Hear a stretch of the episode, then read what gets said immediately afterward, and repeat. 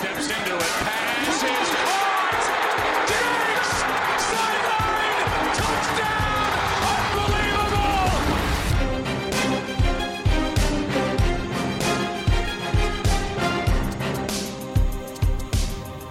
Welkom allemaal bij weer een nieuwe Sport Amerika NFL podcast. We zijn er eventjes een eh, paar weken uit geweest na de draft, maar we komen dubbel zo hard bij jullie terug. Ehm, we zijn namelijk met een flink team eh, vandaag. Ik ben Ton de Vries, jullie host. En behalve jullie welbekend Toon Aarts en Lars Leeftink, hebben we deze week ook nog eens Chris van Dijk en Luc Dokter. Welkom heren. Ja, dankjewel. Hallo.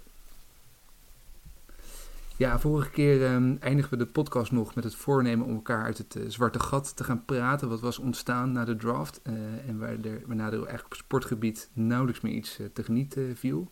Toon, om met jou te beginnen. Hoe diep heb jij in de put gezeten? Enorm diep, enorm diep. Het was een heel slecht offseason, maar dat weten jullie allemaal. Voor mijn team.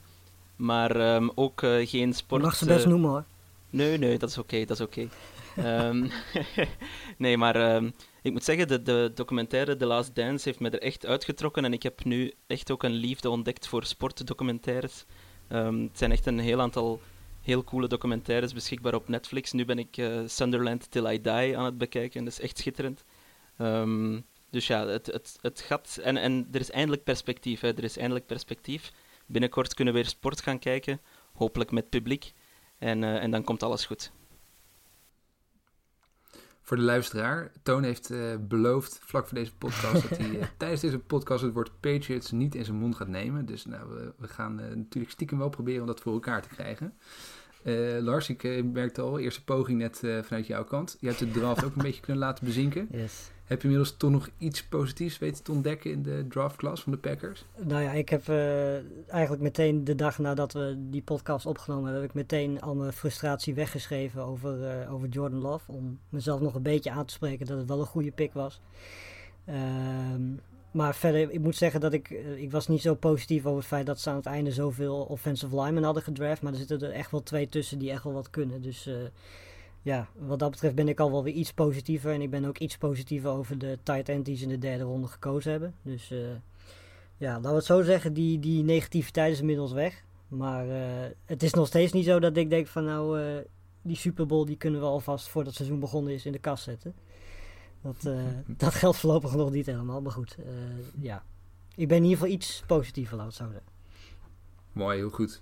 Luc eh, en Chris, dat jullie er ook bij zijn deze keer. Luc, is eh, Andrew Cuomo de nieuwe voorzitter van de Bills Mafia?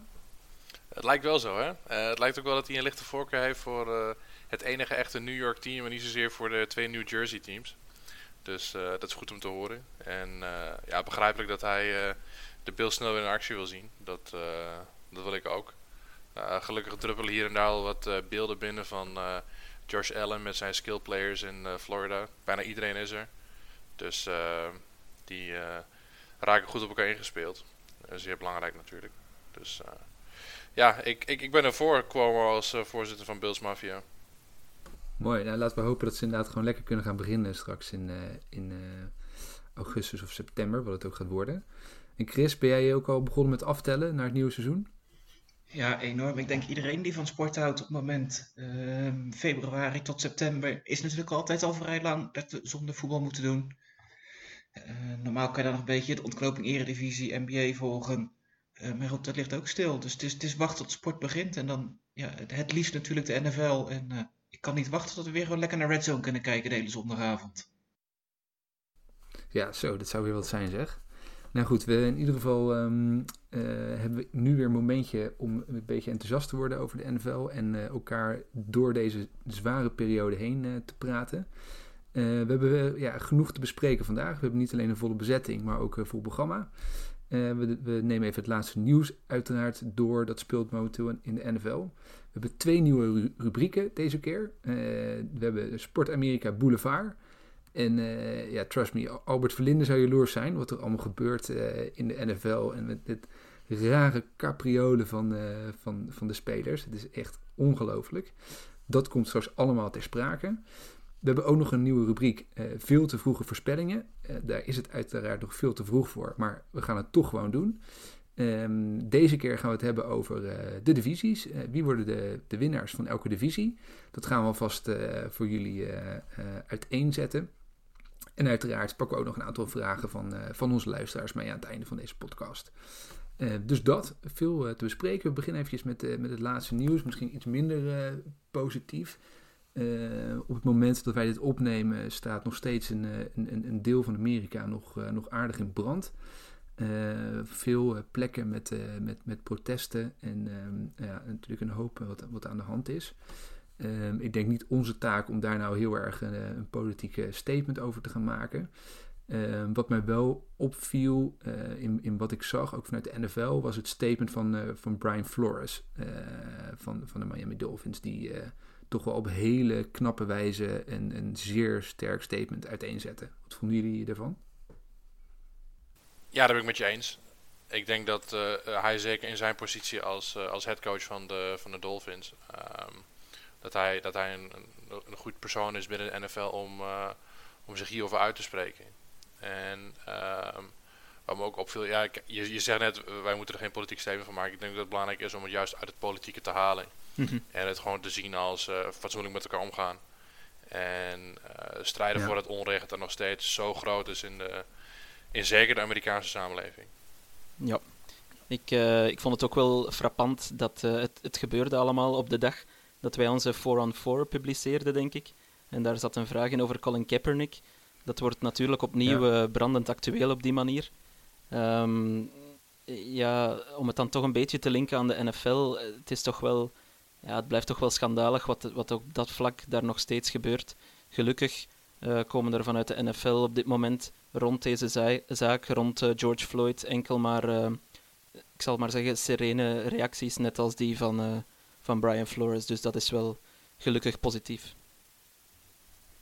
En zeer actueel hè, met, met, met Kaepernick, want die heeft nu gezegd dat hij met zijn stichting volgens mij um, lawyer kosten wil dekken voor mensen die in de probleem komen. Um, wat natuurlijk ook weer een beetje dubbel is, want dat geeft indirect ook weer een soort van um, aanzet van, nou ga maar lekker rellen. Wij, wij, wij, hebben jullie, uh, wij bekken jullie wel. Ja, ik denk vooral dat het nu goed is dat het inhoudelijk gaat over het probleem. Hè. Bedoel, dit is hè, hetgeen eigenlijk waar, waar Kaepernick tegen protesteerde. Um, maar ja, dat ging eigenlijk veel meer om het knielen en of dat nou wel of niet respectvol naar de vlag was. In plaats van dat het natuurlijk om het onderliggende probleem ging. En dat was het geweld uh, vanuit de politie. En, en, en, dat zie je dat het daar nu gelukkig wel om draait, dat het om die discussie gaat. En natuurlijk ook de, de, de, wijzigingen aan de, aan de Rooney Rule, die natuurlijk ook al uh, een tijdje daar waren. Die hebben nu natuurlijk zo besloten dat als jij, uh, ja, voor, of je GM-positie of voor je, je headcoach-positie een, een, een, nou in dit geval zwarte persoon zou willen uh, interviewen. En als je dat doet en je zou dan er ook één kiezen, dat je dan omhoog gaat qua picks. Ik weet niet precies met aantal, volgens mij was het 6 picks dat je dan stijgt. Uh, dus als je bijvoorbeeld pick 30 zou hebben, zou je dan naar pick 24 gaan. Nou, als je dan een headcoach en een GM zou kiezen, dan zou je zo 12 picks naar beneden gaan.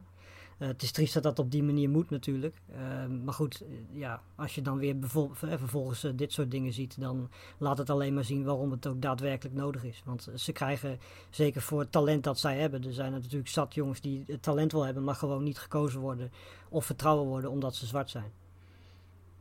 Het ging volgens mij met die pick overigens wel om een derde ronde pick alleen. Dus, dus, dus het is inderdaad, nee, ja, je precies. kan niet bijvoorbeeld van, van 30 naar 24, maar je zou wel um, ja. inderdaad van, nou noemen ze van plek 100 naar uh, 94 zou kunnen gaan. Ja. Wat toch uh, nog, nog, best wat waard zou kunnen zijn. Ja, laten we hopen dat er een soort van um, ja, positieve weg toch kan worden, kan worden ingeslagen. Uh, moeilijk om een brugje te maken naar, naar, naar wat minder serieus nieuws, maar we gaan het toch proberen te doen. Um, Prescott. Uh, nog steeds geen uh, nieuw contra contract bij, bij um, de Cowboys. Dat moet natuurlijk wel een keer gaan gebeuren. Laatste nieuws was dat hij 175 miljoen um, heeft geweigerd voor vijf jaar. Ja, voor welk bedrag gaat hij uiteindelijk bijtekenen straks? Ik denk dat het wel rond dit bedrag gaat zitten. Wat ik, wat ik las is dat in, qua bedragen nog niet eens heel ver uit elkaar zitten, maar dat het wat meer om voorwaarden gaat. Uh, met dit contract zou hij de best betaalde quarterback eh, per jaar gaan worden. Nou ja, goed, hij is niet de beste quarterback van de NFL. Dus het lijkt me wat dat betreft een prima contract voor hem. Uh, alleen beide partijen hebben niet zo heel veel haast nog volgens mij om het, om het echt rond te maken. Uh, Prescott franchise tag volgens mij 32 miljoen bijna per jaar. Dus ja, 32 of 35 miljoen per jaar, dat scheelt ook niet zo heel veel dat het nu moet gebeuren volgens mij. Nou ja, de grap met Prescott is natuurlijk, je, merkt terecht op, het is niet de beste quarterback in de NFL. Maar uh, hij kent wel zijn situatie bij, uh, bij de Cowboys natuurlijk. Ik bedoel, uh, als hij nee zegt, wat gaan ze dan doen? dus ik denk dat hij ook gebruik maakt van, van de situatie waarin hij zit om, om ervoor te zorgen dat hij voor hemzelf het beste eruit haalt. En dat is begrijpelijk. Zou hij geen druk voelen van de Red Rifle? ik denk, ik denk dat hij nog meer geld gaat vragen. Ja. Dat, dat, dat stiekem lachje achter je vragen tonen uh, verraadt al hoe jij erover denkt. Nee, maar uh, wat ik wel denk is dat, um, dat hij stiekem ook wacht op de situatie rond uh, Patrick Mahomes. Die zou ook aan het onderhandelen geslagen zijn. Um, die zal mijns inziens, of wat ik denk, gaat hij echt een monstercontract krijgen, nog nooit eerder gezien. En, uh, en misschien gaat dat ook wel de markt weer meteen uh, een stukje omhoog doen schieten. En, en dat zou dan ook positief zijn voor DEC. Nou, misschien wacht hij daar wel op, hè? Kan ook. Ja, dat zou goed kunnen. Nou, we gaan, we gaan het zien. Uh, iemand anders die ook nog geen nieuw team heeft voor, voor volgend jaar, maar wel een grote naam, Jadavian Clowney. Uh, leek een goed bod te hebben gekregen, uh, kwam deze week uit van, van de Browns. Hij heeft er niet op gehapt. Wil toch misschien ja, hoopt weer ergens een paar miljoen extra nog te kunnen verdienen? Of wil hij helemaal niet naar de Browns? Uh, wat denken jullie? Uh, wil hij niet naar de Browns? En waar gaat hij dan uiteindelijk straks toch tekenen? Nou, ik denk dat hij echt gewoon op dit moment, gezien de, de situatie waarin natuurlijk alle teams in zitten, het feit dat hij in eerste instantie wou hij volgens mij 20 miljoen per jaar. Nou, hij zou het nu dan teruggehaald hebben naar 17 of 18 miljoen per jaar. Maar dat is gezien misschien normaal. Hè, in normaal tijd, als je weet dat het NFL-seizoen gewoon gaat beginnen, is het op zich een redelijk logische prijs om te vragen.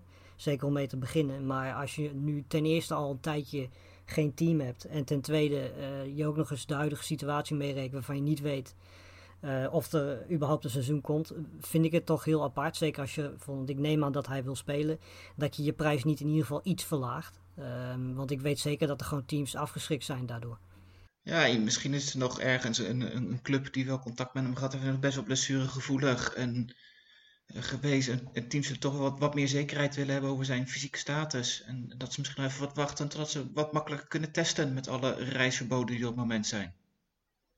Ja, en als je kijkt naar de Browns, er zijn weinig organisaties binnen NFL die zo instabiel en, en opportunistisch zijn natuurlijk. Uh, en bij de Browns zie je ook niet altijd de uitwerking van wat ze proberen te doen. Uh, afgelopen seizoen een flinke terugval gezien natuurlijk. Uh, dus ik weet niet of hij daar zijn vingers aan wil branden. Ik ben wel heel benieuwd, side topic hoor, maar want je zegt inderdaad nou, niet bepaald de meest stabiele organisatie. Ik, ik heb een paar keer wat van die inside filmpjes zitten kijken over, over de Browns. En vooral omdat ik toch wel geïntegreerd ben door Andrew, Andrew Barry. dat vind ik wel, namelijk een GM, natuurlijk een super jonge GM. volgens mij pas 32 of zo. die op mij wel een hele rustige, uh, goede indruk maakt. Uh, komt het bij jullie ook zo door of hebben jullie daar een andere, ander beeld bij? Ja, ik denk dat we wel een omslag gaan zien uh, binnen die organisatie. Kijk, de Buffalo Bills waren ook zo'n instabiele organisatie voordat de huidige manager en headcoach kwamen, Brandon Bean en Sean McDermott. Dus ik denk met de juiste mensen op de juiste plek kun je van een vrij labiele organisatie best wel een stabiele organisatie maken. En ik denk met de mensen die daar nu zitten, dat die weg wel is ingezet. Ja, nou ja, goed, weet je. Kijk, ik denk in principe als je kijkt naar het talent wat zij, wat zij hebben, dat uh, op zich de trainer die dan vervolgens hè, de beslissingen maakt niet eens zo heel... Ik denk dat, dat bijna elke trainer met het, met het talent wat hij heeft, aanval, aanvallend gezien, dat, uh, dat je daar wel wat van kan maken. Ik bedoel, ze, hebben natuurlijk, ze hadden al heel veel talent, maar ze hebben nu ook nog Hooper erbij gehaald. Nou, ze zijn blijkbaar van plan en Joko ook te houden. En gewoon met, ja, ik denk dan twee receivers en twee tight ends te spelen. Nou, als je die vier op één veld hebt staan, uh, dan is eigenlijk de enige... En je hebt een fantastische running back natuurlijk nog met, met Chubb erbij. Je hebt met Mayfield gewoon... Ja, vorig jaar was hij dan wat minder, maar die jongen heeft echt heel veel talent. Dus het enige grote vraagteken voor mij is die offensive line. Um, en ja, weet je, ik denk dat qua coaching daar vooral eh, de, de, grootste uitdaging gaat liggen. Ehm, dus ik ben heel benieuwd hoe, uh, ja, weet je, of ze Baker Mayfield een beetje goed kunnen beschermen. Want als ze dat kunnen doen, dan, ja, weet je, de wapens die hij heeft, um, ja, die zijn bijna niet, bijna geen NFL-team die dat zo avant gezien zoveel talent heeft als dat de Browns hebben. Alleen ja, er moet wel uh, ten eerste een goede offensive line staan. En ten tweede moet uh, de quarterback niet zoveel interceptions gooien en niet zo inconsistent zijn als dat hij vorig jaar was. Ja. En zich uh, meer nee, bezighouden met het spel en minder met reclame of wat dan ook. Ja. Ja, en ik denk inderdaad wat je zegt, hè, Baker Mayfield, dat, dat is voor mij eigenlijk het, het, het allergrootste vraagteken. Is, is inderdaad dat talent wat de Browns naar de, naar de playoffs kan brengen. De, de, de, mogelijkheden heeft hij. Maar als er nu komend jaar niet uitkomt, dan zullen de Browns toch denk ik wel ergens anders moeten gaan kijken. Ja, het is aan Kevin Stefanski om, uh, om dat talent er weer uit gaan, te gaan halen. Uh, Kevin Stefanski overigens, uh, zoek hem maar eens op voor de gein. Uh, George Clooney lookalike. Dit was twee druppels water ongeveer. um, nou, we, gaan we gaan dat ook zien. wat we ook hebben kunnen zien afgelopen weekend. Toon, je, je, moet aan, aan het beeld gekluisterd hebben gezeten. Potje golfen met Tom Brady en Peyton Manning. het, was, het was heerlijk vermakelijk, tenminste vond ik zelf. En met name Tom Brady, hè, schitterend. Kon, kon bakte er helemaal niks van de hele dag. Maar wel het, het, shot van de dag uiteindelijk gewoon meepakken. Gewoon wel weer gewoon eventjes laten zien wie, wie toch de beste is. Ja, hij zal toch wel ge, geprikkeld geweest zijn. Uh, want inderdaad, ja, Twitter loog er niet om. het, het, was, het was redelijk lachwekkend. En dan natuurlijk ook het incident met de broek uh, enzovoort enzovoort. Uh, het, uh, ja, het hield niet op voor Tom, maar inderdaad wel het shot van de dag. Maar ja, toch, toch niet winnend kunnen afsluiten. maar, maar het was, ja, ik denk dat het het beste bekeken golfevent in jaren was, als ik me niet vergis. Dus je ziet toch maar... zelfs ooit. Of zelfs ooit, ja. dus je ziet maar wat een draw Tom Brady nog steeds is. dat verwarmde toch een beetje mijn hart. Ja, en dat er gewoon helemaal niks op tv natuurlijk is qua sport. Dat iedereen dat, dat zo graag sport wil kijken dat we zelfs naar uh, Peter Manning kijken. En dat we zelfs naar de quarterback van de Buccaneers kijken, bedoel je? ja. Ja, mochten ze het vorig jaar geprobeerd hebben met uh, James Winston op het golfterrein, dat had misschien ook ratings uh, opgeleverd. Zo, dat zou wel lachen zijn geweest. Ik denk, denk niet dat de bal op de green was beland. maar kan je met, met golven ook intercepties slaan of niet? Dan moet jij eens opletten. Maar wacht even, hij heeft, heeft, zijn ogen laten, hij heeft zijn ogen laten lezen. Dus vanaf nu is er niks meer aan de hand. nee, dat klopt toch, want hij speelt dan niet. Dus dat scheelt. nou, we beginnen al een beetje. Uh, ik, merk al aan de sfeer dat we een beetje richting uh, roddel en achterklappen beginnen te gaan. dat, dat, is uh, perfect. Want uh, het is tijd namelijk voor onze nieuwe rubriek, Sport Amerika Boulevard. Ja, we kwamen er, we kwamen er gewoon niet onderuit. De, de capriolen van de NFL-spelers in het offseason. Het is, elk jaar is het weer bal. En dit jaar is zeker geen uitzondering. Sterker nog, het is misschien wel erger dan, dan ooit. Er gebeurt van alles. misschien met, met, wat, met, met wat licht verteerbaar nieuws beginnen in deze rubriek. Het haar van Ben Roethlisberger. Oftewel Big Ben. Ja, groot, groot nieuws natuurlijk. Misschien hebben jullie hem allemaal wel gezien. Hij heeft zijn haar lekker laten staan. Ik denk, nou, ik denk eigenlijk niet dat hij naar de kapper is geweest sinds dat hij geblesseerd is geraakt. Hij zag er echt uit alsof hij een, een, een, jaar lang in zijn eentje op een onbewoond eiland had gezeten. Ehm, en daar overigens wel genoeg te eten had gevonden. um, Maar in één keer zag hij er weer helemaal strak uh, geschoren en geknipt uh, uit. En dat uh, was natuurlijk wel een probleem, want hij mocht eigenlijk nog helemaal niet naar de kapper. Ja, hij heeft natuurlijk toch stiekem een kappetje gepakt, terwijl die kapper eigenlijk nog dicht had, had moeten zijn.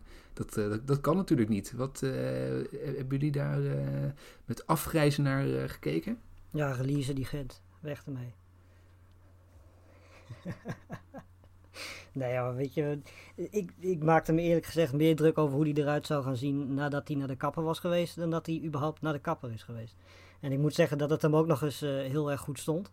Eh, zeker zijn baard vond ik heel erg. eh, maar goed, ja, ik, ik weet niet hoe hij het voor elkaar krijgt. Maar wat voor baard hij ook neemt, staat hem gewoon goed. Dus eh, ik zou zeggen, laat hem gewoon staan. Maar het haar mo- mocht er inderdaad wel af. En ik moet zeggen dat hij dat keurig gedaan heeft. En, misschien dat hij nu ook op het veld weer ja, met dit nieuwe haar nog eens een keertje wat beter gaat presteren. Dan zou, die, zouden de Steelers helemaal te- tevreden zijn, denk ik. Ja, ik heb er niet met afgrijzen naar gekeken, maar het zijn natuurlijk wel een beetje die, die, die double standards die je ook ziet in de, in de UK met, eh, ehm, wat was het, de assistent of de woordvoerder van, eh, van eh, Boris Johnson die eventjes eh, op en neer reed. Ja, je, je merkt Ja. dat autoriteiten alles doen om te voorkomen dat eh, mensen die eh, toch wat unieker zijn dan de gemiddelde, eh, dan de gemiddelde mens, dat die niet eh, eh, boven de wet gaan staan door dit soort eh, dingen uit te halen. Maar eh, qua, qua esthetiek, qua uiterlijk, vond ik het eh, een vrij, eh, vrij slimme zet. Want hij leek toch een beetje op een eh, uit, uit de kluiten gewassen Sasquatch. Dus in die zin een goede set. Eh, maar ik snap dat eh, gouverneur Tom Wolf dat hij, eh, dat hij er niet blij mee was. Ik, ik, ik moest een beetje denken, weet je, het vergelijk was dat vorige week dat eh, die foto van Luc de Jong die uitlekte van dat feestje. Ik bedoel, ja, je je Ja. kan er iets bij voorstellen, maar ja, als je zo'n voorbeeldfunctie hebt, dan is het gewoon niet slim om dat te doen. Nee, het is echt En een als je het doet, en, en als je het doet, zet het dan niet op je, op je social media, dan Exact, precies. hoor je er niemand over. Wat ook niet slim is om te doen, ehm, is een NFL-speler aanranden op een, eh, in- tijdens een vliegtuigritje. het is een, eh, een, een onbekende NFL-speler die eh, beweert te zijn aangerand door een medepassagier op een United-vlucht. Volgens mij van LAX naar eh, New York, dacht ik. Een eh, zogenaamde red-eye-vlucht. Hij blijkbaar ehm, ja, was er een vrouw die hem nogal eh, handtastelijk aan het eh, bejegenen was. En eh, ja, tot eh, zo erg dat hij ehm, de, de, de, de crew erbij heeft moeten halen. En die hadden volgens hem niet goed genoeg gehandeld. Dus hij heeft meteen maar even United aangeklaagd. Ja, moeten we daar nou weer voor vinden? Ja, ik ben wel benieuwd naar de achtergrond, want eh, het, het gaat hier om een speler die geen business class vloog. Dus eh, Ja. Ik betwijfel het of, eh, of het een speler is die, eh, ehm, die niet zozeer het geld van een eh, lawsuit nodig heeft. Dus wellicht een, wellicht een backup of een speler die niet zozeer... een- speler. ja, precies. Dus wellicht zit dat achter. Maar natuurlijk, kijk, het is belachelijk dat, dat je niet rustig in een vlucht kunt zitten met je, met je mondmasker op. Zonder dat er een, een persoon je masker probeert af te trekken en naar je kruis grijpt. Het, is ook, het was ook weer vrij illustratief voor wat er de afgelopen weken gebeurde. Het was een eh, witte vrouw van middelbare leeftijd die een eh, donkere speler zo eh, bejegende. Dus het past weer mooi in het rijtje van wat, er, wat er deze week gebeurde. Ja, bizar, bi- bizar verhaal. Dat ook een bizar verhaal is natuurlijk het verhaal dat nu al een tijdje rondzoomt van Dunbar en, en Baker. De twee zouden na een, een, een, een spelletje met een aantal anderen eh, het geld hebben gestolen en juwelen hebben gestolen van de, van de medespelers, omdat ze boos waren geworden.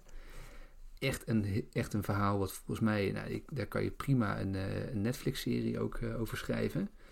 Ehm, nu is het weer zo dat die, de, de lawyers eigenlijk van beide weer in de clinch liggen.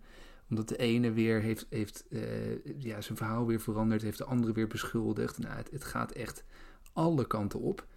Eh, maakt het nou nog uit wat er hier uiteindelijk echt gebeurd is? Of gaan we daar waarschijnlijk nooit meer achter komen? Ik, het onderzoek is nog eh, lopende, dacht ik. En er wordt gesproken van semi-automatische wapens, eh 60.000 dollar enzovoort. Ehm, eh, ja, ik denk niet dat het het laatste is dat we ervan gehoord hebben, omdat ja, er wel best eh, zware charges eh, worden eh, opgelegd aan de spelers. Dus ik hoop dat voor hen en, en voor hun teams ook wel een beetje, hoop ik dat de, de, de advocaten gelijk hebben, dat ze onschuldig zijn, want ehm, ja, anders komen ze er eh, niet met een eh, tik op de vingers vanaf, eh, vrees ik. Als de details kloppen. Ja, ik heb, ik heb er wel een theorie over. Ik heb eens nagedacht en wat er allemaal gebeurt, ook met de, de getuigen die hun, hun getuigenis weer hebben ingetrokken. Eh, het lijkt er haast op dat deze twee gasten zich verveelden in het off-season. Met corona nog minder te doen natuurlijk. En dat ze een soort GTA-achtige eh, eh, overval in elkaar hebben gedraaid zonder dat ze hun, nou ja, medespelers in, dit, in, in deze scène ervan op de hoogte stelde om het, om het wat echter te laten voelen. En ze daarna, voordat de politie eigenlijk in beeld kwam, nog, nog gauw probeerde af te spreken om dit financieel af te dekken. Ehm, dus in die zin vraag ik me af of het ooit naar buiten komt. Maar het lijkt op een soort van uit de hand gelopen uh, bucketlist item. Als dat klopt, dan, uh, dan, uh, ja. dan, dan hebben zij een heel andere invulling van uh, vrije tijdsbesteding dan ik. ja, je moet, je moet wat als je zo lang niks te doen hebt. ja, precies. Nou, iemand met ook een iets andere vrije tijdsindeling volgens mij dan, dan, dan ik zelf bijvoorbeeld. Dus Ed Oliver. Uh, wordt ook elk jaar worden er weer een paar opgepakt die, uh, die dan weer een slokje te veel op hebben achter het stuur. Of uh, een automatisch wapen hebben. Ja, nu is het de beurt aan Ed Oliver. toch nog een jonge speler. Hè? Waarom laten die jonge spelers dan toch weer dit, dit overkomen? Is, is, hebben ze nog geen goede begeleiding? Of waar ligt het dan aan? Verveling. Ik denk dat het gewoon zo simpel is. Ik denk niet dat. Uh, weet je, het gebeurt al überhaupt zonder dat er, hè, de hele coronacrisis er is. Dus uh, ja, we, zien het, we zien het elk jaar. Dus als je dan vervolgens ook nog eens een keer een coronacrisis hebt en je kunt niks doen, dan ga je, ja, zeker, hè, dat is natuurlijk niet, niet zo bedoeld om dat te zeggen, maar zeker zwarte mensen, die zijn toch sneller in het dan, ja, overstappen naar dit soort dingen. Dat zien we elk jaar weer. Ehm, ja, dat is heel jammer, want hè, we hebben het hier over een speler die echt heel getalenteerd is. Uh, die echt nog een hele lange NFL-carrière eh, hopelijk voor de boer heeft. Ehm, ja, weet je, het, het is zonde, want er zijn al zoveel goede talenten dankzij dit soort dingen weggevallen voor de NFL.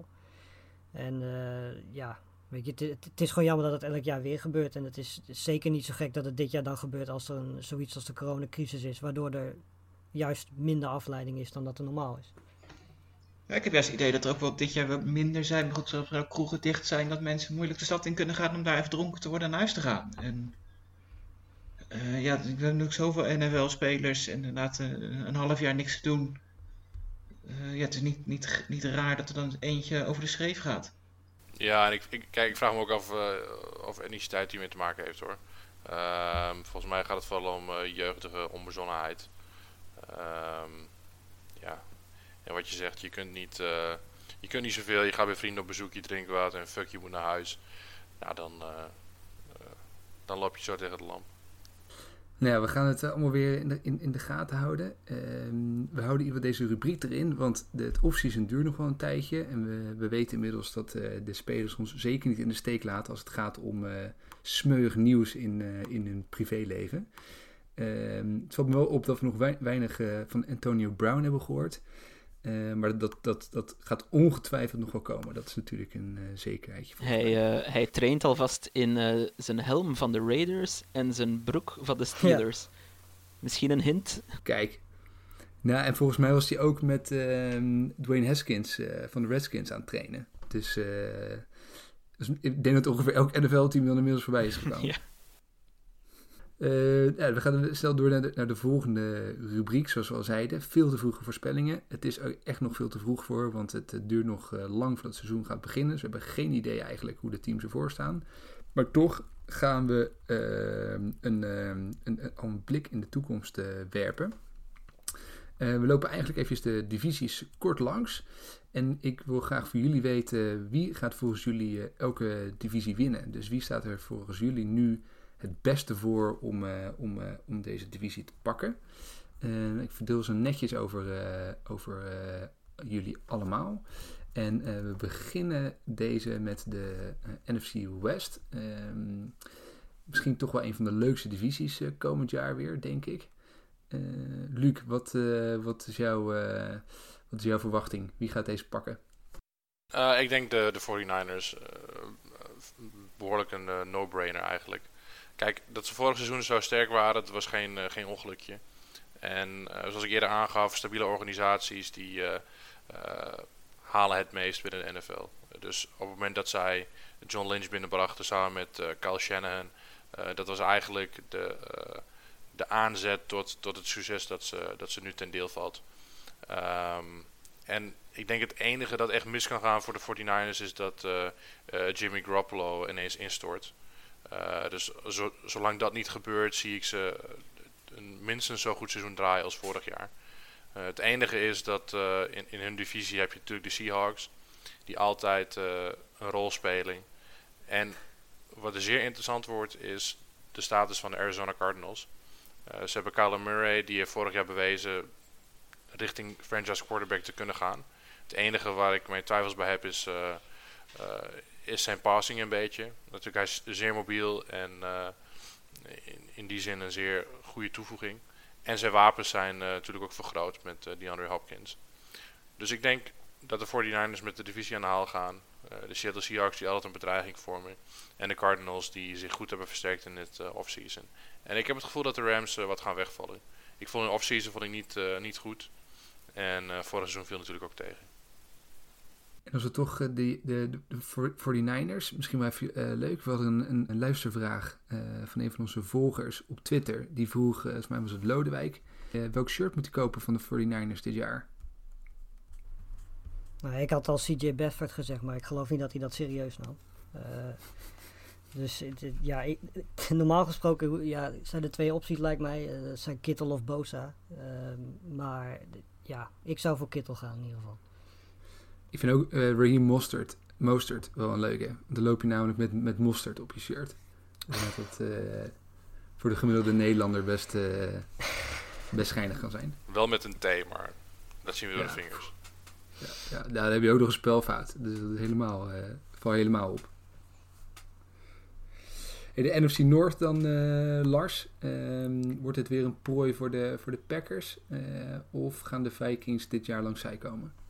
Nou ja, het is in ieder geval wel de, de verdediging is in ieder geval wel zo dat je Packers en Vikings als favorieten mag zien. En uh, de Bears en Lions als ja, wat mindere teams. Ik, ik moet ook zeggen, ik heb uh, de schema's gekeken. Zowel de Packers als de Vikings hebben een vergelijkbaar schema. Uh, enige minder is dat de Packers hebben al in week 5 een bye week. Wat echt een van de slechtste momenten is om een bye week te hebben. Um, maar verder, ja, weet je, ontlopen elkaar niet zo heel veel. Uh, ik moet zeggen dat ik ze ook allebei ongeveer rond uh, 10 om 6 heb zitten. Uh, ja, uh, dus het, het, kan in principe tussen die twee aan beide kanten op gaan. Vikings hebben natuurlijk wel een hele goede off-season gehad, ondanks dat Dix vertrokken is. grote vraagteken is natuurlijk ook wie er achter Thielen als receiver gaat opstaan. dus dat wordt wel interessant. Uh, maar goed, ja, de Packers hebben qua receivers ook maar één hele goede. Dus uh, wat dat betreft zitten ze allebei hetzelfde schuitje. En ja, weet je, ik denk niet dat er heel veel tussen die twee in zit. Ze hebben allebei ook gewoon een goede defense.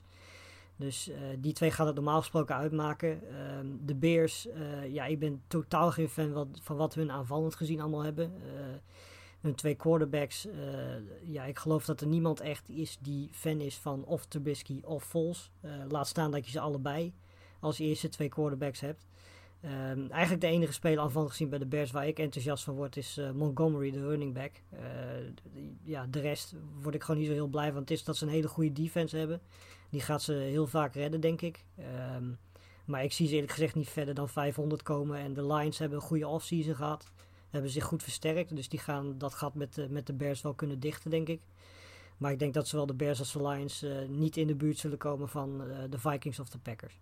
Ja, ik denk ook dat, uh, uh, dat misschien toch wel de, de, Vikings echt wel een kans hebben om, om langzij te steken. Als ik even de, de drafts vergelijk tussen, tussen beide teams. Nou is een ja, draft niet per se een, een, een, indicatie van spelers die het meteen uh, het verschil gaan maken. Ehm, maar de Vikings hadden natuurlijk wel echt een waanzinnig goede draft. En ja. flink wat goede spelers opgepikt. Um, ja, dus ik, ik ze zaten ook gelijk heel dicht tegenaan. Want dat is natuurlijk, natuurlijk hè, inconsistent, die, uh, die ga je dan sowieso krijgen. Uh, dus, en ja, het feit dat Kirk Cousins ook niet de meest, meest stabiele quarterback is die we in de NFL uh, ooit gezien hebben. Nee. Dat is eigenlijk een beetje bij mij bij de twijfel. Maar goed, de Packers hebben dat ook op, op meerdere posities. Dus wat dat betreft wordt het, ja, ze, ze, ontlopen elkaar echt niet heel veel. En zeker die, die twee duels die ze tegen elkaar gaan spelen worden, worden echt heel interessant om naar te kijken. Er gaan overigens hele slechte filmpjes uh, over het internet, waarbij je uh, in Minneapolis mensen winkels ziet beroven. Ja. Maar dan alles meenemen behalve de Kirk Cousins shirt. Dus over de NFC North, het is duidelijk dat die twee teams, de Vikings en de Packers, dat zij de favorieten zijn. Maar kunnen zij verder in de playoffs iets uitrichten, denken jullie? Ja, nou ja, goed. Weet je, het mag volgens mij wel redelijk duidelijk zijn in deze conference dat de 49ers uh, en de Saints de grote favorieten zijn. Uh, dus ja, ik denk dat ze daarachter zitten. En weet je, in de playoffs, uh, ik bedoel, het is één wedstrijd, dus alles kan gebeuren in principe. Maar ze hebben in ieder geval talent daarvoor. Maar dat is de, de grote vraag is, weet je, wie gaan er, denk ik, weet je, ze hebben allebei gewoon goede defense. Dus dat is het probleem niet. Alleen de vraag is hoe goed uh, gaan beide offensive lines zijn. Nou heb ik bij de Packers iets meer vertrouwen daarin dan bij de Vikings. Uh, en de tweede vraag is ja, wie er achter uh, hun twee top targets, Adams en Thielen, wie daarop gaan staan, hoe goed die het gaan doen. Of Rodgers en Cousins daar wat mee kunnen om hun, om hun defense ook te supporten met offense. als ze dat kunnen, en dat, zoals ik al zei, dat kan in één wedstrijd, kan dat echt. Uh, dan kunnen ze zeker ver komen. Maar ik heb zo'n idee dat het net zoals vorig jaar is. Hè, bijvoorbeeld dat de Packers uh, de Seahawks toen versloegen. En daarna in de, in de championship game redelijk kansloos waren tegen de, tegen de 49ers. Ik denk dat er eerder zo'n scenario is. Uh, dan dat ik of de Packers of de Vikings echt, echt een run voor de Super Bowl zie maken.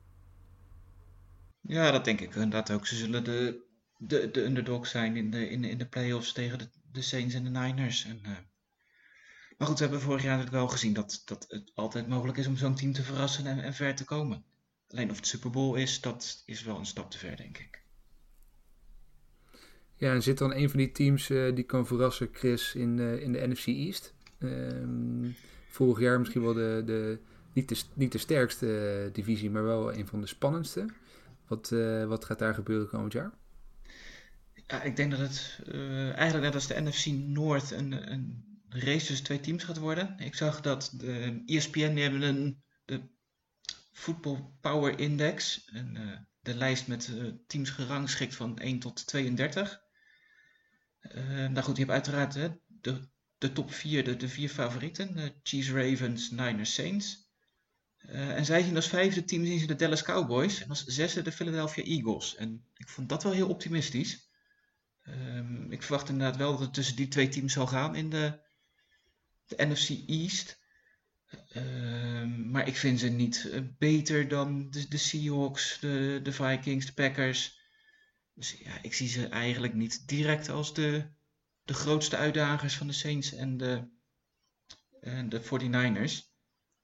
Um, en ik, zelf denk ik de, dat de, de Eagles iets beter zijn, een betere coach hebben, ondanks dat uh, Mike McCarthy nu bij de, bij de Cowboys zit. En uh, ik denk dat de, de, de Eagles het 10 gaan winnen de, de, de Cowboys 9. En dat ze allebei naar de playoffs gaan. En onderin, uh, dat, dat scheelt natuurlijk wel dat ze zo hoog staan. Uh, met, met de Giants en de, de, Redskins hoor je vier overwinningen te hebben. En dan ben je ook al een heel eind richting, richting de playoffs. En toch, hè, als je even naar het roster kijkt van de, van de Cowboys.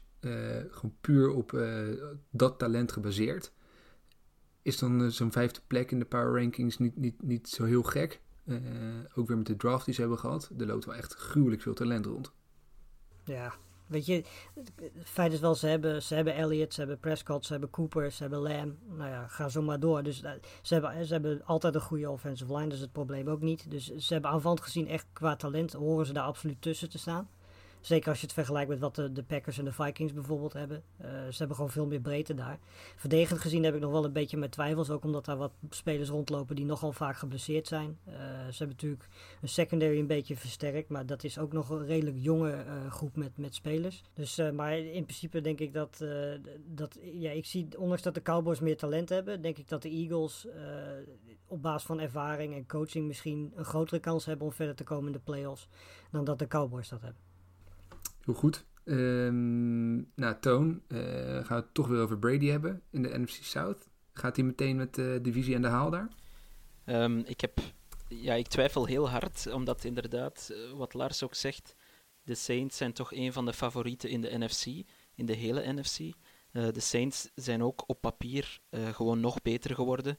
Emmanuel Sanders is erbij gekomen, een goede draft gehad met Zach Bond, center Cesar Ruiz. Um, ik denk dat de Saints op papier nog steeds het sterkste team zijn. Al vind ik wel dat er uh, wat vraagtekens mogen gesteld worden of mogen gezet worden rond uh, Drew Brees. zijn armkracht, uh, misschien zijn blessuregevoeligheid ook later in zijn carrière, moeten we toch nog allemaal bekijken. Um, maar de Saints hebben het gigantische voordeel dat ze al, of, of quasi al hun grote games, hun, hun games tegen grote tegenstanders, die worden allemaal in de eigen Superdome gespeeld. Dus tegen de Packers, tegen de Vikings, de 49ers ontvangen ze thuis. Ik denk dat ze ook de Chiefs thuis ontvangen. En dat zijn allemaal natuurlijk uh, grote voordelen, zeker voor, voor de twijfelachtige Breeze. Um, maar natuurlijk, ja, de Bucks uh, hebben zich zodanig versterkt met Brady, Gronk is terug, Tristan Wirfs was een goede draftpick, uh, denk ik. En, en daar, met de toevoeging van Brady, zal het adagium toch zijn: dit is Super Bowl or bust. En als Brady in die mindset zit en in een soort mindset van: ik ga nu bewijzen um, dat ik het ook elders kan dan bij mijn vorige team, dan, um, ja, dan, dan moeten we het toch maar zien. Maar kijk, ik heb ook Sportsline er even op nageslaan. Sportsline uh, heeft een simulatie gedaan, heeft 10.000 simulaties gedaan van het komende NFL-seizoen. En zij zetten de Saints wel duidelijk op één. En misschien moeten we dan toch maar gewoon uh, de computermodellen geloven. Um, en voor de rest in de NFC South, um, ja, de Falcons, of de Falcons, ja, vind ik een beetje een matig team. Zij zijn niet echt veel verslechterd, vind ik, op misschien uh, tight end positie na. Maar ik vind ze nou ook niet uh, zodanig verbeterd. Dus um, ik denk niet dat de Falcons een bedreiging gaan vormen. En de Panthers, ja, zij zitten helemaal in rebuild-modus. Dus um, daar verwacht ik eigenlijk uh, niet heel erg veel van. Tenzij Ton, jij met een, uh, met een konijn uit je hoed komt uh, wat de Panthers betreft. Nee, ik denk dat, dat we dat topic vrij snel kunnen, kunnen passeren. Nee, dat, uh, dat, dat is duidelijk dat dat een kansloze missie gaat worden. Ik denk dat je, um, dat, dat, je gelijk hebt dat de, de, de Saints zijn gewoon on, ontzettend sterk. Uh, de Bucks uh, met alles wat erbij gekomen is ook. Dus dat worden onwijs interessante ontmoetingen. Maar dat lijkt me wel de twee topfavorieten, ja zeker. Het toon misschien om bij jou te houden. We gaan even ja. door naar de, de EFC. Um, EFC West. Is er iemand die um, de Kansas City Chiefs kan bedreigen komend seizoen? Nee. Nee, er is niemand. Dat is duidelijk. we kunnen meteen naar de volgende gaan. nee, ja. maar um, nee, de EFC West is een gelopen race, denk ik. Tenzij er iets gebeurt met Patrick Mahomes. Dat kan natuurlijk altijd. Maar uh, de Chiefs, ja, hun offseason is zo goed geweest. Uh, goede draft. Uh, alle belangrijke spelers gehouden. Chris Jones heeft de franchise tag. Sammy Watkins heeft een jaar bijgetekend. Um, ja, die Clyde Edwards Hilaire, uh, zelfs een, ja, naast zijn fantastisch klinkende naam ook nog eens, denk ik, een hele goede prospect op running back. Um, ze hebben ook enkele noden uh, beantwoord uh, op defense. Daar valt het wel af te wachten hoe sterk ze effectief zullen zijn op defense. Maar goed, zoals ik in een eerdere podcast zei, als je 40, 50 punten per wedstrijd kan scoren, dan is je defense misschien niet je allerbelangrijkste je allerbelangrijkste werf zeg maar, in je team. Um, ik denk niet dat de Chiefs enige bedreiging gaan zien. Het enige team wat ik wel uh, een wildcard zie pakken um, in de AFC West is de Chargers. Dat is een beetje verrassend misschien. Maar zij uh, vind ik. Ik vind in de breedte dat de Chargers een heel, heel goed team hebben. Er zijn voor mij maar twee vraagtekens rond de Chargers. Namelijk de quarterback-positie. Um, zoals jullie wel weten, ben ik niet uh, de grootste fan van Tyrod Taylor. Um, en Justin Herbert, die moet het allemaal nog bewijzen, uiteraard. En dan vind ik toch ook een ander vraagteken, de coaching. Anthony Lynn ben ik uh, niet helemaal wild van. Um, die, die bedenkt soms uh, meer manieren om te verliezen, heb ik de indruk, dan om te winnen. Um, dus, dus dat valt af te wachten. Maar ik, ik zie in de Chargers, als het allemaal echt in zijn plooi valt, en ook gezien het schedule wat ze hebben, wat niet zo, uh, niet zo zwaar is als ik het op papier bekijk, ja, moeten zij wel in staat zijn om een wildcard te kunnen grijpen als alles uh, in de plooi valt en als Justin Herbert een betrouwbare quarterback blijkt te zijn. Geeft Toon Aerts een podium om uh, iets uh, over Tyrell Taylor en Anthony Lynn te zeggen en hij pakt hem. Dat, geen, geen enkel probleem, moeiteloos weer erin gefietst. Heel goed, heel goed Toon. Ik denk trouwens dat als we naar de Chargers kijken, dat, uh, dat je het hebt over een team dat echt, echt heel erg twee kanten op kan gaan. Een beetje zoals de, zoals de Bengals vorig jaar. Um, je, hebt, je hebt een team dat, nou, zoals Toon zegt, er zitten best wel veel onzekerheden in. En ik zie ze in de AFC eigenlijk als een van de weinige teams die uh, richting uh, een, een, vorm van tanker zou kunnen gaan. Je zag bij de Bengals ook, de eerste weken gingen niet zo lekker. Terwijl ze in de eerste week heel dichtbij een overwinning waren op de Seahawks, uh, notabene. dus ik zie de Chargers of ze, gaan, ze gaan lekker, of het zit na, na de eerste weken tegen en ze gaan compleet voor die, voor die eerste pick. Nou, en als het lekker gaat bij de Chargers, is goed, hè? Ja, precies. Dat wou ik net zeggen. Als het goed gaat bij de Chargers, dan is dat denk ik eerder dat het komt door de defense, dan dat het komt door, uh, door de offense die de Chargers hebben. Weet je, ze hebben op, op quarterback gewoon geen zekerheid. Ze hebben uh, op running back, heb je, ja, je, weet je, je hebt Eckler, nou dat is het. Uh, je hebt een paar goede receivers natuurlijk. maar goed, offensive line, weet je, niemand weet hoe goed die gaan zijn. Wat dat betreft denk ik dat bijvoorbeeld bij de Broncos vind ik ook wel heel interessant. Die hebben een hele goede offseason gehad, goede draft gehad. Hebben ja. natuurlijk eindelijk nu uh, Drew Lock uh, die hun quarterback gaat zijn. Ze hebben hun offense extreem versterkt met Gordon, met Judy. Met nog goede talenten bij. Dus die offense gaat echt heel erg goed zijn. En Zeker. ze hebben natuurlijk, dat hebben ze altijd, gewoon een prima defense. Von Miller, Chubb, noem ze allemaal maar op. Dus ik, als ik moet kiezen tussen de Chargers en de Broncos, zou ik eerlijk gezegd eerder voor de Broncos uh, kiezen. Um, omdat ik vind dat de Broncos dan een iets completer team zijn. Natuurlijk hebben ze het, het zijn allemaal jonge jongens die erbij komen. Dus je weet niet, uh, ze gaan zeker niet stabiel uh, kunnen presteren. Maar ik denk dat voor beide teams rond 500 echt wel het, het, ja, het hoogst haalbaar is. Ik zie ze sowieso allebei de Chiefs niet uitdagen. Dat, dat is, zoals Toon ook al zei, van tevoren al gelopen race. Maar uh, weet je, ja, ik denk als ik moet kiezen tussen de Broncos en de Chargers, zou ik liever voor de Broncos gaan. Ja, dat, denk ik ook. Ik heb toch het idee hè, dat met, met jonge quarterbacks, rookies, de verwachting, verwachtingen eigenlijk bijna nooit waargemaakt worden. Nee, we verwachten heel veel van ze, veel talent. Maar ze hebben gewoon 1, 2 jaar nodig om, om het niveau te halen, te wennen aan de NFL. Het is zo anders dan college. Uh, en, en, dat, gaat tijd, dat, dat, gaat tijd kosten. En dan kun je niet gelijk de helft van je wedstrijden winnen. Dat, daar geloof ik niet in. Daar is de ploeg niet goed genoeg voor. Nou, het is wel een, een leuke divisie om, om, te volgen. Er kan er, kan er veel gaan gebeuren. Maar wel een, een, een duidelijke topfavoriet, dat mogen we toch wel zeggen. Die, uh, in, de Chiefs ja. gaan daar gewoon uh, als, als echte topfavoriet aan, het, aan het seizoen beginnen. Um, in de AFC North, Lars, is er natuurlijk ook één grote topfavoriet, hè? Ja, nou ja, dat, uh, toen ik uh, de lijst opgenoemd, ik hoefde hier niet heel lang over na te denken. was de Ravens natuurlijk absoluut op één. Feit dat ze ook nog eens een keer een, een heel erg gunstig programma hebben. Ze hebben eigenlijk, ja, ze hebben de Chiefs, daar spelen ze tegen. Dat wordt sowieso echt een wedstrijd om van te smullen. Dat wordt denk ik de mooiste wedstrijd die we komend seizoen gaan krijgen. in ieder geval het reguliere seizoen dan. Uh, ze spelen nou ja, verder twee keer tegen de Cowboys en twee keer tegen de Browns. Nou ja, dan heb je het qua, kwalitatief gezien wel de moeilijkste tegenstanders gehad. Weet je, het, ja, uh, 14-0-2 vorig jaar. Ik, ik, zou, zou mij niet verbazen als ze dat gewoon weer halen. Um, en ik zie eerlijk gezegd, qua talent zijn de Browns de enige die in de buurt kunnen komen van hun. De Browns hebben natuurlijk fantastische offense, we hebben het er eerder al over gehad. Hoe gaat de coachingstaff het doen? Hoe gaat die offensive line doen? Uh, verdedigend talent zat, maar uh, ja, ook wat vraagtekens. Nou, de Steelers is weer precies het tegenovergestelde. Die hebben een hele goede verdediging. Um, maar daar heb je aanvallend gezien op quarterback en op, hè, op receiver heb je weer wat twijfels. Nou ja, en over de Bengals weet je, ja, ik ben heel benieuwd wat, wat Joe Burrow gaat doen. Want die speelt tegen twee hele goede defenses vier keer. Hè? Steelers en Ravens. Ook de Browns hebben goede defenses. Burrow mag zich meteen gaan laten zien tegen goede tegenstanders. En uh, zoals ik al zei, hij heeft ook wapens gekregen. Hij heeft een offensive, nieuwe offensive line gekregen. maar de Bengals gaan denk ik normaal gesproken gewoon vierde worden in deze divisie. En gaan zeker nog één jaar, misschien wel meer jaar hebben om daar een overgang in te maken ja, ook weer een topfavoriet, hè? De, de Ravens in deze divisie.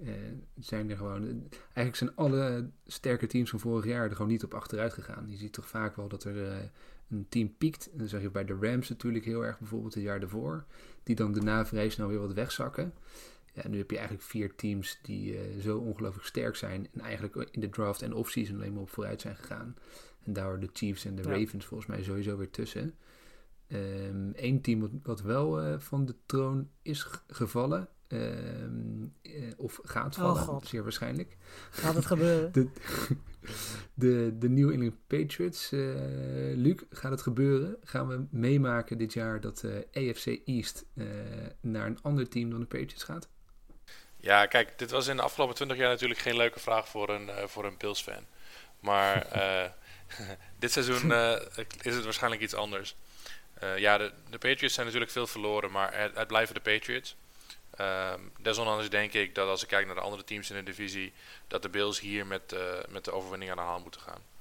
Ehm, en dat komt vooral door de grote consistentie die, eh, die bestaat in het team. Qua front office, qua coaching staff en ook qua spelers. Eh, je ziet aan Josh, Josh Allen dat hij vorig seizoen significant gegroeid is. En dat, dat verwacht je eigenlijk dit jaar ook weer. Plus het belangrijkste puzzelstukje dat voor hem nog ontbrak. Dus echt een, echt een prominente wide receiver. Dat, dat, dat ze die nu binnen hebben in de vorm van eh Stefan Diggs. Eh, samen met eh, John Brown en Cole Beasley in, in de slot. heb je daarmee gewoon een, goed stel targets. Dus ik... en samen met die zeer goede, goede defense die Buffalo heeft. een van de beste in de NFL. zie, ik niet, zie ik niet in dat een ander team dan Buffalo de divisie gaat winnen. Natuurlijk heb je Miami, denk ik, als, als outsider. Maar kijk, dat is ook een team in de aanbouw. En daar heb je nog niet de consistentie die je wel ziet, eh, ziet in Buffalo. Dus wellicht dat Miami als eh, verrassende tweede uit de bus komt. Maar eh, nee, als ik moet kiezen wie de divisiewinnaar wordt, dan zijn het de Bills. Ik ben eigenlijk wel heel benieuwd wat Toon denkt over de Patriots, eh, jongens. ik weet niet of dat, hoe dat met jullie zit, maar... Ja, Toon, wat vind jij van. eh, wat, denk jij over de Stid? Ehm, ja, zoals jullie weten ben ik eh, niet eh, de grootste gelover op dit moment eh, in Stidham. Mm, maar goed, achter hem staat er helemaal niets, dus eh, hij, hij zal wel moeten spelen. Maar ehm, ja, ik denk, ik denk dat New England nog steeds een, een, een aardige defense heeft. ehm, die, die, en goede special teams die hun wel nog wat games gaat opleveren, denk ik. Maar het zou me niet verbazen als ze zelfs ja, gaan moeite moeten doen om eh, 500 te halen. Eh, eh, ik denk echt dat er een heel, ehm, heel atypisch eh, seizoen zit aan te komen voor New England. En ehm, zeker offensief, er is eigenlijk niets, niets bijgekomen. En ehm, ja, ik, ik, ik, ik moet het allemaal nog zien. Het lijkt, ehm, ja, het, het gaat echt een seizoen worden zoals ik het nog niet eh, heel vaak heb meegemaakt.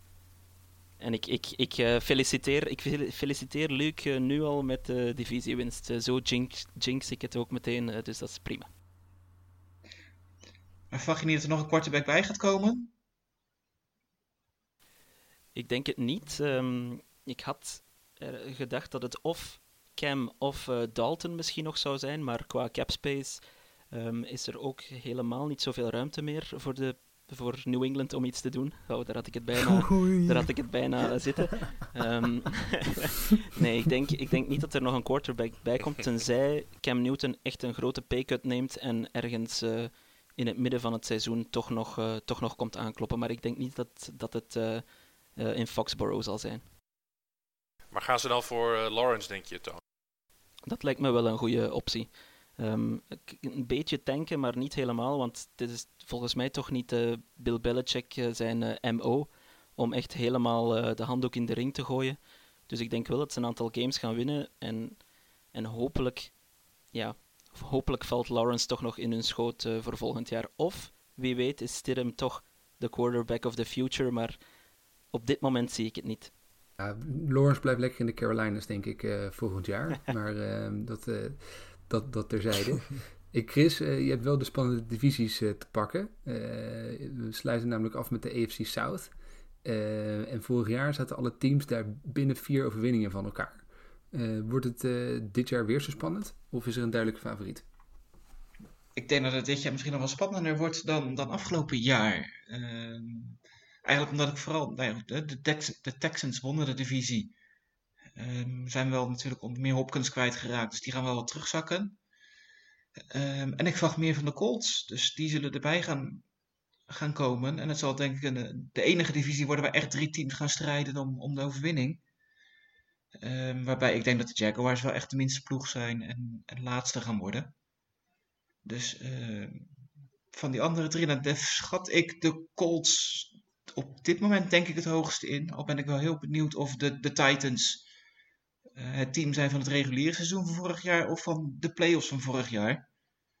want ja, de, de play-offs hebben ze toch wel laten zien dat ze er ineens kunnen staan en een goede ploeg hebben. Of nou ja, goed, een goede running back hebben. Dat dat vooral hun kracht is geweest.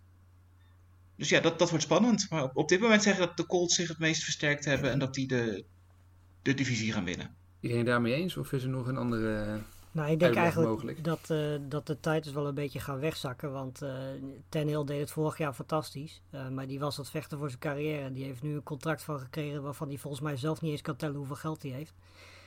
Dus ik denk in principe, ja, weet je, het gaat een andere Tannehill zijn, denk ik. Het gaat nog steeds geen leuke ploeg zijn om naar te kijken, want dat is het al jaren niet. Dat gaat het denk ik komend jaar ook niet worden. En inderdaad, wat, wat Chris zegt, ik denk dat de Colts die gaan veel beter spelen dan dat ze vorig jaar gedaan hebben. Uh, Rivers gaat uh, met de ervaring van hem erbij.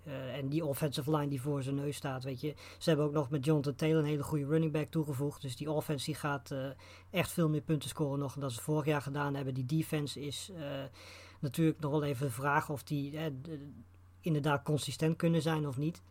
Ehm, en ja, de Texans, weet je, daar lopen volgens mij een stuk of vier, vijf spelers rond die een abonnement hebben op blessures. Dus uh, in principe van die drie zou ik de Colts kiezen, omdat daar in mijn ogen de meeste zekerheid zit. Um, en ja, ook alvast uh, veel succes voor alle Jaguars-fans die het komende jaar uh, toch maar weer doorheen moeten zien komen na al die trades die ze gehad hebben. En het feit dat ze misschien wel in, ja, in de conference of in de divisie zitten, waar ze natuurlijk gewoon eigenlijk van tevoren uh, ja, bijna afgeschreven kunnen worden. Ja, daar ben ik het mee eens. Ik vind, ik vind eigenlijk, hè, als je naar de, de top kijkt, hè, dat het misschien wel een van de minst sterke divisies is. Hè, de, maar ja. in, in, de breedte, die, die andere, qua breedte zijn ze met z'n drieën wel heel sterk. Nou, er steekt er inderdaad niet één bovenuit. Dat is het. Maar in principe, weet je, je hebt ook in. We hebben ze net allemaal doorgelopen. Er is of één of twee favorieten. Uh, die er bovenuit steken. Nou, hier heb je drie teams die uh, ja, waarschijnlijk in de playoffs niet zo'n hele grote rol gaan spelen. Tenminste, ik denk niet dat een van deze drie teams het de Chiefs of de Ravens echt heel moeilijk gaat maken. Uh, ik denk dat je dan eerder naar de Bills moet kijken, bijvoorbeeld. Um, maar ja, er moet wel één iemand uiteindelijk de divisie winnen. Um, en ik denk dat zij daar met z'n drieën om moeten strijden. Want ik denk ook niet dat één van deze twee teams dan uiteindelijk uh, op een wildcard uit gaat komen. Omdat ze dus ja, gewoon heel dicht bij elkaar liggen. Dus ik denk dat alleen de divisiewinnaar uh, naar de playoffs zal gaan. En dan is de vraag ja, wie van de drie dat gaat zijn. En ik denk dat dat uh, misschien wel een van de meest interessante gevechten wordt van komend seizoen. Ja, wordt mooi om te zien. Nou, heel goed, uh, jongens. Dat was dan de eerste, eerste versie van, uh, van onze nieuwe rubriek Veel te vroege voorspellingen. Mocht je nou uh, als luisteraar denken, hey, ik heb ook nog een, een mooi topic waar ik al graag van de heren wil weten hoe dat komend seizoen uit gaat pakken, laat het ons vooral weten. we houden hem erin de komende weken, de komende maanden. Ehm, we weten nu in ieder geval wie de divisiewinnaars gaan worden aan het einde van het seizoen. dan weten we dat ook alvast. We hebben ze opgeschreven. We komen vast tijdens, tijdens het seizoen nog een keer bij jullie terug. Uh, om, te, om te checken of, uh, of jullie het bij het rechte eind hadden. Um, dan om nog even deze, deze podcast, uh, podcast af te sluiten. We beginnen alweer aardig aan de tijd te zitten. Leuk om nog even naar wat vragen te gaan van onze twitteraars. er kwam een hele leuke vraag voorbij. Chris Scepter was dat volgens mij. Uh, die stuurde dat hij op oude NFL-beelden um, zag dat er in de jaren 80 en 90 veel op kunstgras werd gespeeld. En tegenwoordig bijna nergens meer. En hij vroeg zich af wanneer en waarom eigenlijk die kentering naar het gewone gras is gekomen. Uh, nou, super interessante vraag volgens mij. Het klopt alleen niet helemaal, heb ik het idee. Uh, ik ben er namelijk eventjes ingetoken. en na wat desk research toch achtergekomen dat er nog in 17 NFL-stadions gewoon kunstgras ligt. Um, dus in meer dan de helft van de stadions wordt er gewoon op kunstgas uh, gespeeld. Uh, ja, de reden ervoor is eigenlijk gewoon commercieel gedreven. Dus, dus minder onderhoud, maar vooral dat het stadion ook voor andere doeleinden gebruikt kan worden. Uh, denk aan een stadion van de Falcons bijvoorbeeld, waar natuurlijk ook gevoetbald wordt en, en allerlei andere dingen gedaan worden. Um, dus het, het, het, het, lijkt misschien zo dat die kentering er, er is of was. Maar er wordt gewoon heel veel op, uh, op kunstgas gespeeld. Uh, ik denk wel dat ik weet wel, waardoor eh, dat komt. Want in, in, principe als je de, de beelden terugkijkt van, van 20, 30 jaar geleden... en je kijkt de beelden van nu... Uh, ik denk dat dat vooral door, door, door de camera's komt. Want dan valt heel erg het, het, het groen, het kunstgras, hè, wat, wat gewoon een andere kleur is, valt heel erg op. Terwijl als je Ja. dat vergelijkt met, eh, met nu, als je nu op tv kijkt, kun je amper meer het verschil zien, zeker van veraf. Eh, tussen wat kunstgras is en normaal gras is. Ehm, terwijl dat in de, de jaren van, van Jerry Rice, noem ze allemaal maar op, kun je gewoon echt heel duidelijk zien dat je, dat je op kunstgras speelt. Ehm, en ik denk dat dat het de reden is dat hij misschien dacht dat er nu meer op normaal gras gespeeld wordt. eh, terwijl dat dus duidelijk niet per se het geval is. En er is in 2015 nog een discussie geweest, eh, omdat er toen een stuk of zeven grote spelers geblesseerd waren geraakt, waarvan er vijf blessuren hadden opgelopen op kunstgras. Dus toen was de Ja. vraag van, nou, moeten we toch niet met z'n allen weer terug naar gras? Maar uiteindelijk is daar niks, eh, niks uitgekomen. Misschien wel leuk, want eh, ehm, er was een enquête onder NFL-spelers een paar jaar terug. Ehm, en daar werd gevraagd van, wat vinden jullie nou van het veld van, eh, van alle teams? En welk veld denken jullie, welk eh, normaal grasveld, denken jullie dat daar het slechtst uit de bus kwam? Dus wie heeft het slechtste eh, veld van alle NFL-teams? De Raiders. Raiders? Ja, dat zou je denken. Eh, maar die kwam dus niet als slechtst uit de bus. Oh. Iemand Ja. anders een eh, suggestie? Eh, Lambo? Nee, ook niet. Ook een goeie, maar... nee, ik zou het niet weten. Het is Hein- Heinz Field, eh, Pittsburgh Steelers eh, stadion, veld. Wat eh, blijkbaar nogal eh, op, de, op de schop eh, ligt af en toe. Er zijn ook vrij gure weersomstandigheden daar natuurlijk. Ja, precies. En, eh, Ik, Ja, ga- en ik ga het wel missen. op dat veld elke wedstrijd. Ik ga, ik ga wel het veld van de. Raiders eh, missen. Eh, met, die, met, die, met dat halve baseballveld erop, die turf. Dat was wel dat is altijd een leuk Ja. zicht. Maar voor de spelers wel iets minder, denk ik. Een, een best gevaarlijk, vermoed ik. Maar ik ga het wel een beetje missen, dat zicht.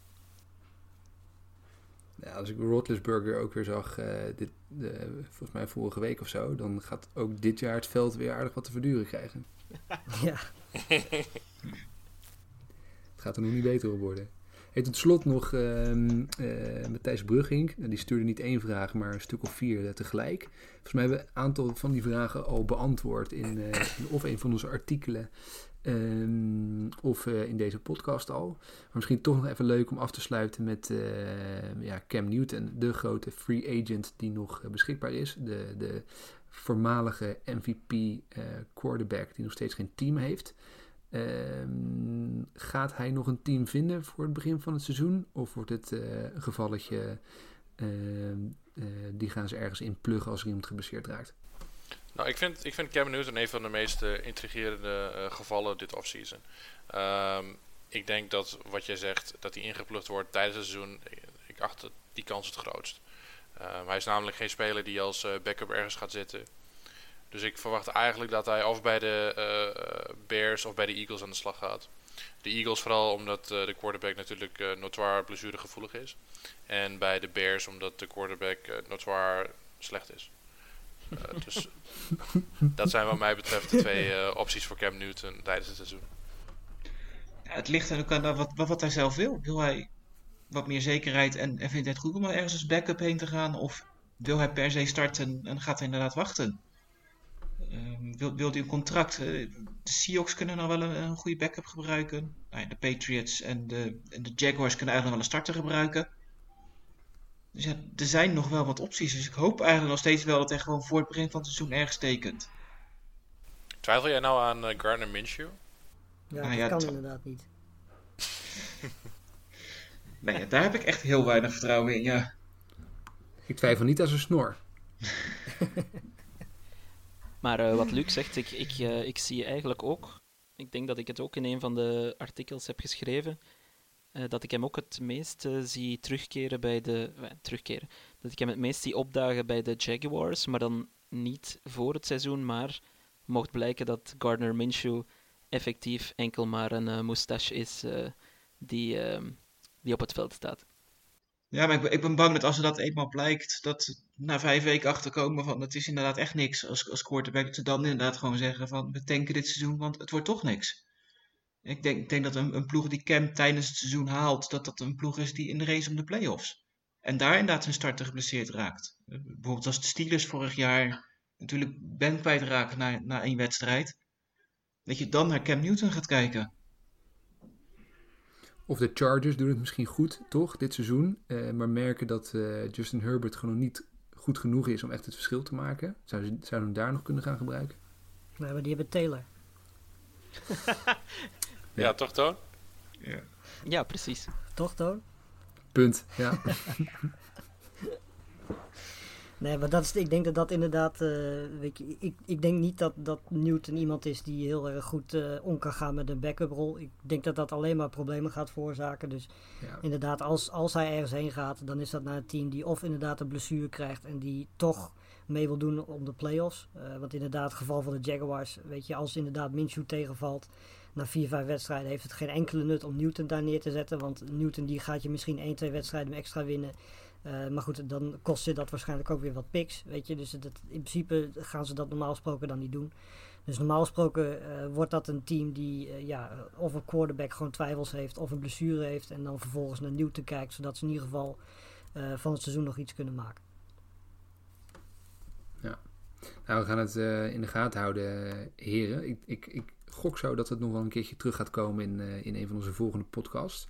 Eh, we zijn er tot aan het eh, begin van het seizoen zijn we er sowieso elke maand. En richting het seizoen zal dat meer frequenter gaan voorkomen. Jullie in ieder geval alvast bedankt voor, voor, voor deze aflevering. Nog any last words? Iemand? Hebben we nog iets gemist? Moet, moet u nog iets kwijt?